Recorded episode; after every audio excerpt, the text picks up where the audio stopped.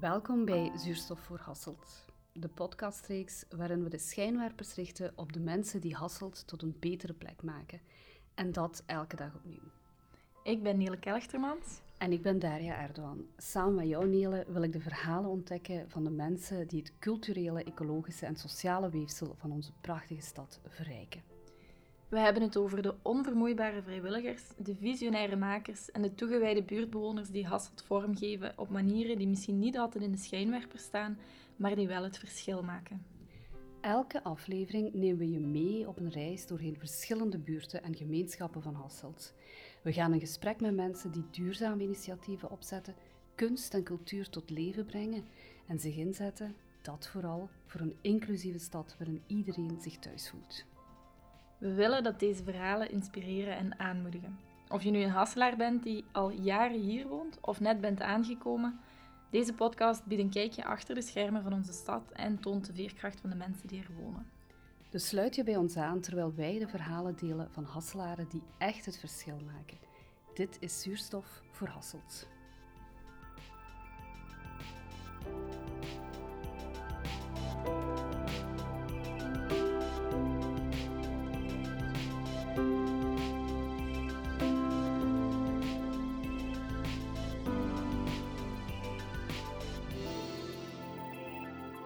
Ik ben Ivo, ik ben sinds uh, een zevental jaar straatverpleegkundige in Hasselt.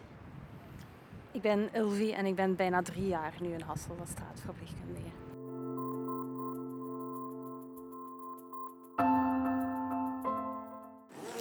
Spuitjes, naalden, een wonderzalfje en dan pleisters, uh, handschoenen, verbandjes, ontsmettingsmateriaal, de bloeddrukmeter, ja, compressjes, covid-testen nog steeds. Um, die zijn wel weer wat actueler de laatste tijd.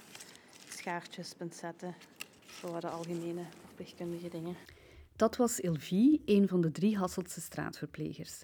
Elke dag zijn ze op pad om dak- en thuislozen bij te staan met medische zorgen, een helpende hand of gewoon een luisterend oor. Je hebt haar, Ivo of Magali misschien nog niet herkend op straat, maar de rugzak die Ilvie juist beschreef waarschijnlijk wel. Met een groot rood kruis zijn ze meteen herkenbaar als hulpverleners en kan je hen regelmatig spotten op weg van de ene patiënt naar de andere. Want zoals in elke grote stad wonen er in Hasselt mensen op straat. Sommigen omdat ze geen andere uitweg zien en sommigen omdat ze niet anders willen. Wat de reden ook is, ze hebben dezelfde rechten op ondersteuning als iedereen. Maar elke dag op straat doorbrengen vraagt veel van je lichaam. Ivo, Elvie en Magali hebben dus zeker in deze koude wintermaanden een belangrijke rol. Nu, een straatverpleegkundige is, ja, zoals het woord zegt, een verpleegkundige in de straat. Um, en is eigenlijk een verpleegkundige die op zoek gaat naar een doelgroep van mensen die om welke reden dan ook de reguliere zorg niet bereiken. De doelgroep is heel breed, eigenlijk ja, van kind tot uh, hoogbejaard, zal ik maar zeggen. Geel ging het over een doelgroep van alcoholverslaafde mensen die geen netwerk hadden. Maar doorheen de jaren uh, hebben we dan samen met Stad en samen met het team Dak en Thuislozen uh, een veel breder doelpubliek kunnen bereiken. En ook de insteek die wij nu hanteren is, is meer verschoven van specifieke zorg, het somatische stuk en het psychiatrische stuk, naar welzijn ook. Dus we maken hier een hele mooie combinatie van de twee. En dat maakt de job enorm boeiend voor ons. Het echte rouwen in de zorg. Um, ik denk dat dat nergens zo aanwezig is als bij ons. Doorheen de jaren zijn we heel wat dingen tegengekomen. Op somatisch vlak zeker um, die insteekplaatsen van, van, van, het gebruik van mensen, dus abscessen die zich ontwikkelen. Maar daarnaast ook longproblemen. Um, we hebben maagbloedingen op straat gehad. We hebben bij momenten ja, hartproblemen. Echt wel heel schrijnende dingen op straat zien gebeuren. En waarvan we op dat moment dan ook hadden van, goh, maar goed dat we er eigenlijk toch zijn, omdat Um, om dat een beetje op te vangen en mensen daarin te begeleiden. Um, vooral naar ziekenhuizen, naar specialisten. Um, dat zijn één dingen. Maar daarnaast is de laatste jaren die weegschaal toch ook wel een beetje aan het overhalen naar echt wel dat psychische luik. Nu, ik, ik denk dat dat, geen, geen uh, onlogische zaak is, want uiteindelijk in dakloosheid verzeild geraken, dat is meer dan ik heb geen bed.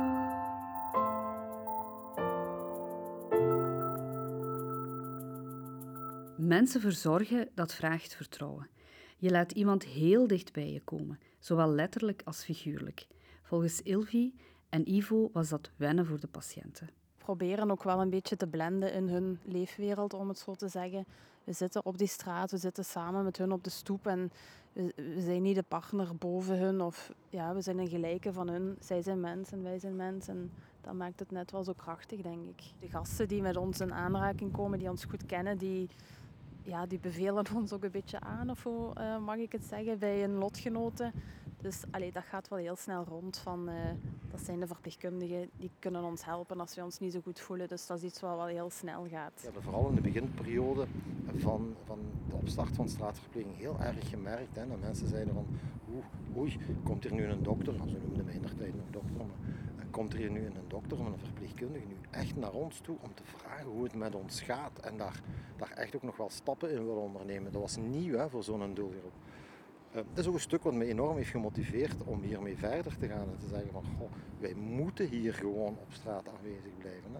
Um, en soms is dat somatische stukje oplossen of, of daarmee bezig zijn, is voor hun zo'n eerste stap terug in die aanvaarding van dat eigen lichaam, dat eigen zijn, dat mens zijn, dat, dat thuis horen in een maatschappij. Ja, ik, ik, ik, hoor regelmatig bij gasten dat ze zeggen van, goh, maar eigenlijk ben ik het allemaal niet waard. Want de maatschappij wil ons niet meer. We zijn ofwel junks of we zijn zwervers, zoals men dat heel vaak nog eens uh, uh, oneerbiedig zegt. Um, en, en, dat doet wel iets met mensen. En dan even aan de slag gaan met dat, met dat somatische stuk of met dat psychische stuk, dat geeft hun wel weer zo die voldoening van, van eigenwaarde. Mensen hebben, hebben echt wel recht op die basiszorg. Hè? Als we naar, naar, de, naar, de, naar de beginselen van onze grondwet kijken, heeft iedereen recht op die zorg. Straatverpleging was niet alleen nieuw voor de patiënten. Ook voor de verplegers zelf ging er een hele nieuwe wereld open. Een wereld waar ze naar eigen zeggen heel graag in vertoeven, maar die je ook sneller kan opslokken dan je denkt. Ik heb hier ook echt wel geleerd dat het veel dichterbij is als, uh, ja, als we vooraf zouden kunnen denken. Um, dat gaat over, over heel jonge mensen vaak, maar dat gaat ook over mensen vaak die een hele carrière hebben uitgebouwd, een heel goed loon hadden, een eigen woning en die dat ja, verliezen, om welke reden dan ook. Dat gaat over relatiebreuken, dat gaat over faillissementen. Het kan ook aan de andere richting. Het is gewoon heel puur en puur bevat heel veel moeilijke, harde momenten, maar tegenovergesteld ook heel veel warme momenten en heel veel ja, momenten die niet zo beschreven staan in jobfuncties als dit hoort het gevolg te zijn van. Um, ja, we zitten erin, we beleven het mee met de mensen en dat maakt het net zo mooi, denk ik. Ja, wat drijft mij? Uh, niet het weer, uh, niet de regen en niet de sneeuw. Nee, wat drijft mij eigenlijk? Allee, een beetje als bezieler van straatverpleging in, Vlaanderen. Want we waren de, de, eerste in Vlaanderen die dit, uh, die dit gingen doen op straat. Buiten dan zijn Fermier du Rue. Um, toch wel een, vrij welgestelde VZW. Um, die ook met verpleegkundigen op straat ging. Um, ja, wat drijft mij hierin is, is vooral de echtheid en de onvoorwaardelijkheid. Ik vind het mooi om als verpleegkundige enerzijds out of the box te kunnen gaan. Ja, niet via het vaste stramien van, van de typische verpleegkundige uh, mensen te gaan bereiken. En dat op een onvoorwaardelijke en vooral ook op een echte manier. Als ik kijk wat ik in deze job, want oorspronkelijk ik ben, ben dus eigenlijk referentiespecialist geestelijke gezondheidszorg binnen het Wit Gele Kruis. En was dit een van mijn projecten die ik, uh, die ik ging ontwikkelen. En als ik nu kijk, ja, na zeven jaar sta ik nog letterlijk 20 uur per week minstens. Uh, sta ik op die straat en op dat werkveld, omdat ik het nu ook wel moeilijk kan loslaten, omdat deze job mij zo'n echtheid geeft. Um, ik denk niet dat er één moment op een dag is dat ik mij niet echt voel als mens. Dat ik mij niet echt voel als, ja, als partner van, als, als hulp- en zorgverlener.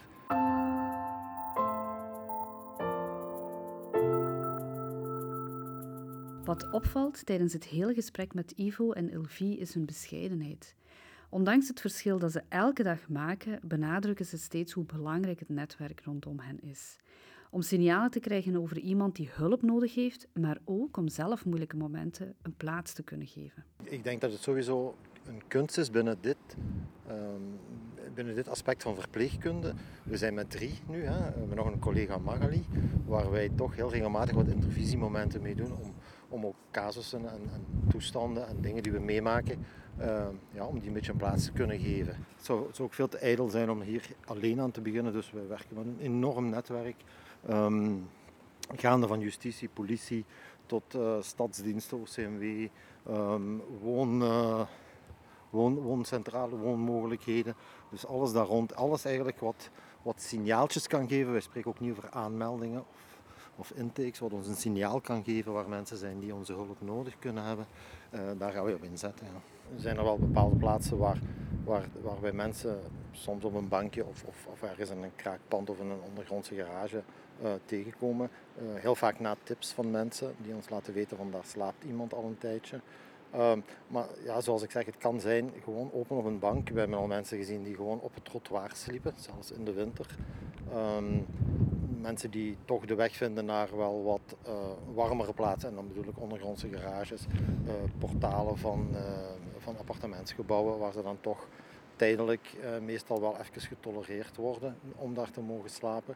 Nu in Hasselt hebben we natuurlijk ook de winternachtopvang die vanaf november tot uh, 1 april geopend is van 8 uur s avonds tot 8 uur s morgens waar mensen kunnen gaan slapen in een, in een warm bed, ook een maaltijd krijgen um, waar ze kunnen douchen en zo. Dus die mogelijkheid is er. Als wij een nieuwe gast, gasten kunnen zowel mannen als vrouwen zijn trouwens in ons vakjargon om het zo te zeggen. Um, als wij een nieuwe gast tegenkomen dan gaan wij altijd eerst de vraag stellen, is de mutualiteit in orde en is er, is er uh, een inkomen om te zorgen dat mensen kunnen eten en hun basisbehoeften kunnen voorzien. Um, dat is natuurlijk een stukje welzijn, dat heeft weinig met somatische zorg te maken. Maar als die twee niet in orde zijn, uh, dan kunnen wij met onze somatische zorg alleen ook niet zo heel veel uh, verschil maken. Dus daarom zijn we ook heel blij dat wij geïntegreerd zijn in dat team dak- en thuislozen in Hasselt. Uh, waar we meteen aansluiting vinden om dat stuk welzijn ook meteen in orde te brengen. Terwijl we dit opnemen, beginnen er alweer sneeuwvlokken naar beneden te vallen. Onderweg, terug naar de warmte van het scheep, wil ik toch nog van Ivo en Ilvi weten hoe ze samen met hun patiënten deze winterdagen beleven. Acht uur s morgens als de winternachtopvang sluit en dan moeten ze naar buiten. Dat zijn momenten, we gaan daar ook uh, twee keer per week s morgens naartoe om te kijken wat zijn de noden. Heeft iemand iets nodig nog uh, voordat ze de kou in gaan. maar dat zijn moeilijke momenten voor, de mensen. We moeten nu terug die kou instappen. Meestal met hun heel hebben en houden in twee zakjes van de Aldi of weet ik wat. terug die straat om dan s'avonds om 8 uur terug te kunnen gaan. Dat is wel een hele tijd die ze moeten overbruggen. Nu, in Hasselt hebben we gelukkig ook Café Anoniem die nu ook uh, tijdelijk met de kou uh, geopend zijn tot half acht s'avonds. Dus waar ze tot half acht warm kunnen binnenzitten, een goedkope maaltijd kunnen nuttigen, gratis soep kunnen krijgen, um, hun was kunnen doen ook, uh, eventueel een douche nemen. Dus we zijn wel heel blij dat dat initiatief hier ook is, waardoor ze toch kunnen overbruggen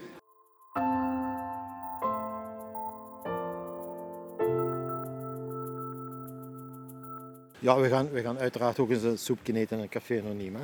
We komen daar alle dagen, uh, ook wel over de gasten te zien daar. Um, en daarnaast, uh, ja, onze uitvalsbasis is, is, een beetje het scheep, het team van dak- en thuislozen. Daar springen wij geregeld eens binnen. Als het echt koud, koud, koud is, dan durven wij onderweg wel eens ergens een winkel binnen gaan om even op te warmen, vijf minuten. Maken we daar een toertje met onze rugzakken. Dan zijn we ook weer eens gezien. Uh, en dan gaan we terug buiten.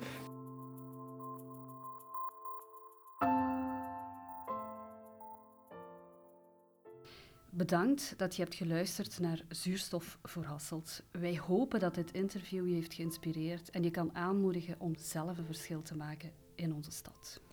Als je meer wil weten over de mensen en initiatieven die je in deze reeks hebt ontdekt, bezoek dan onze website voor aanvullende informatie en bronnen. Je vindt de link in de beschrijving van deze aflevering.